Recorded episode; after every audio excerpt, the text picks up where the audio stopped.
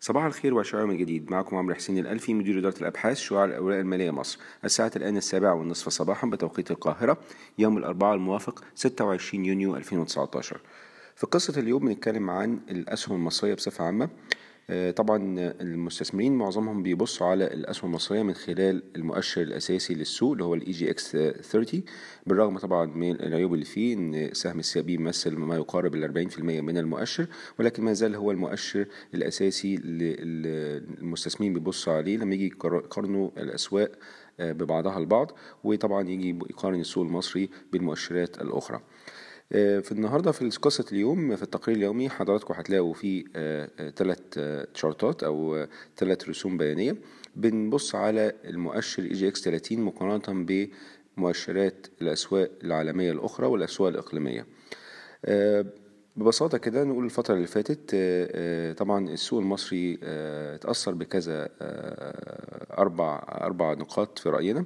أول حاجة طبعا إن إحنا شفنا إن كان البنك المركزي ابتدى يخفض الفائدة في بداية العام في الربع الأول ولكن تخفيض الفائدة ده توقف مؤقتا طبعا لارتفاع أسعار التضخم. وبالتالي الأسعار الأسهم لم تستجب بصورة إيجابية بعد كده لأن كان في توقعات والتوقعات ابتدت تتجه إن تخفيض الفايدة أسعار الفايدة مرة أخرى هيكون على نهاية العام 2019 فبالتالي حصل زي ما بنقول استجنيشن بالنسبة لأسعار الأسهم المصرية وده كان ابتدى فعلا في شهر مارس حتى الآن. فبالتالي ده أول عامل إن تأخر آه، تخفيض الفايدة من قبل البنك المركزي نتيجة ارتفاع أسعار التضخم. النقطة التانية طبعا إن الجنيه كان ارتفع قصاد الدولار آه، منذ بداية العام نتكلم في حوالي سبعة في المية تقريبا آه، طبعا دوت بيغلي نسبيا الأسعار الأسهم المصرية مقارنة مما كانت عليه في بداية العام.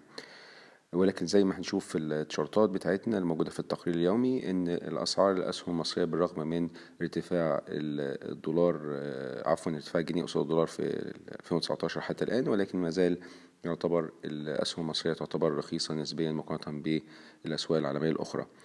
تالت نقطة طبعا كان في خروج بعض الأموال واتجاهها من الخروج من أسواق النشأة بصفة عامة واتجاهها لبعض الأسواق بعينها اللي حصل عليها أبجريد أو آه، رفع آه، تصنيف عالمي آه، إنها تبقى اسمها أسواق ناشئه زي السوق السعودي والسوق الأرجنتيني. طبعا دوت بالنسبة لنا في المنطقة هنا طبعا السوق السعودي بحجمه كبير أثر طبعا إن هو المستثمرين الأجانب ابتدوا يركزوا أكتر على السوق الكبير أو السوق الأكبر في المنطقة من حيث القيمه السوقية ومن حيث حجم التداول اليومي طبعا وفي سيولة أعلى بكتير. ممكن ده أثر برضو بالسلب على تخفيض السيولة في السوق المصري.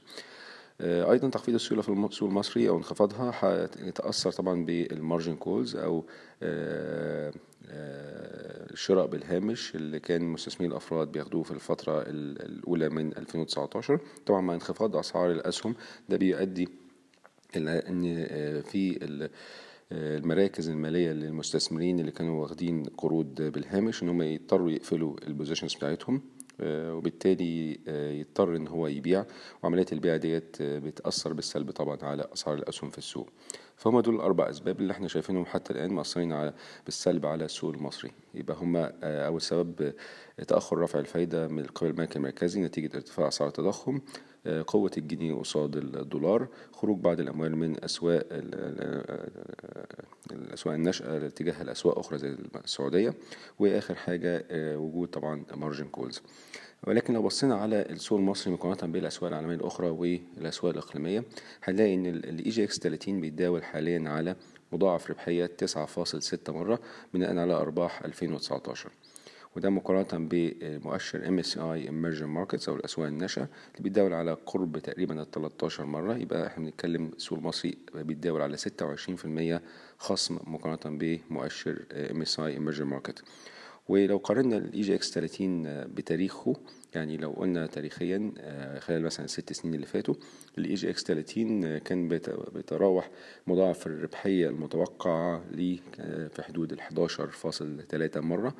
إحنا دلوقتي بنتداول على 9.6 بنتداول على 15% أقل من التاريخي أو المتوسط التاريخي في آخر ست سنين بالنسبة لل EGX 30 ده بالنسبة للمضاعف الربحية. لو بصينا على بعض المؤشرات الأخرى هنلاقي إن معدل النمو المتوقع للأرباح بالنسبة للشركات المصرية الموجودة في EGX 30 كمجمل يعني كمؤشر مجمل خلال الثلاث سنين ما بين 2018 ل 2021 نتكلم على معدل نمو سنوي حوالي فوق في المية.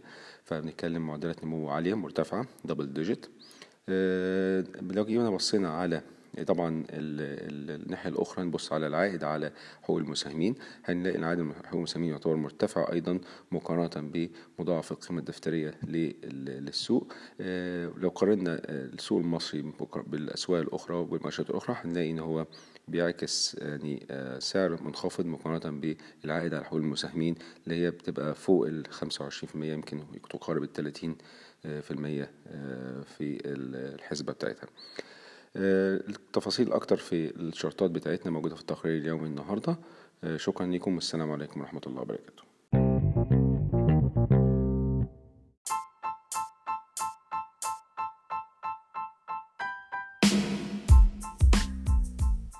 إن هذا الملخص الصوتي هو لأغراض المعرفة فقط ولا يمكن اعتباره عرض شراء أو بيع أو إدارة استثمارات أو خدمات استشارية. ينصح باستشارة مستشارك المالي قبل اتخاذ أي قرار استثماري.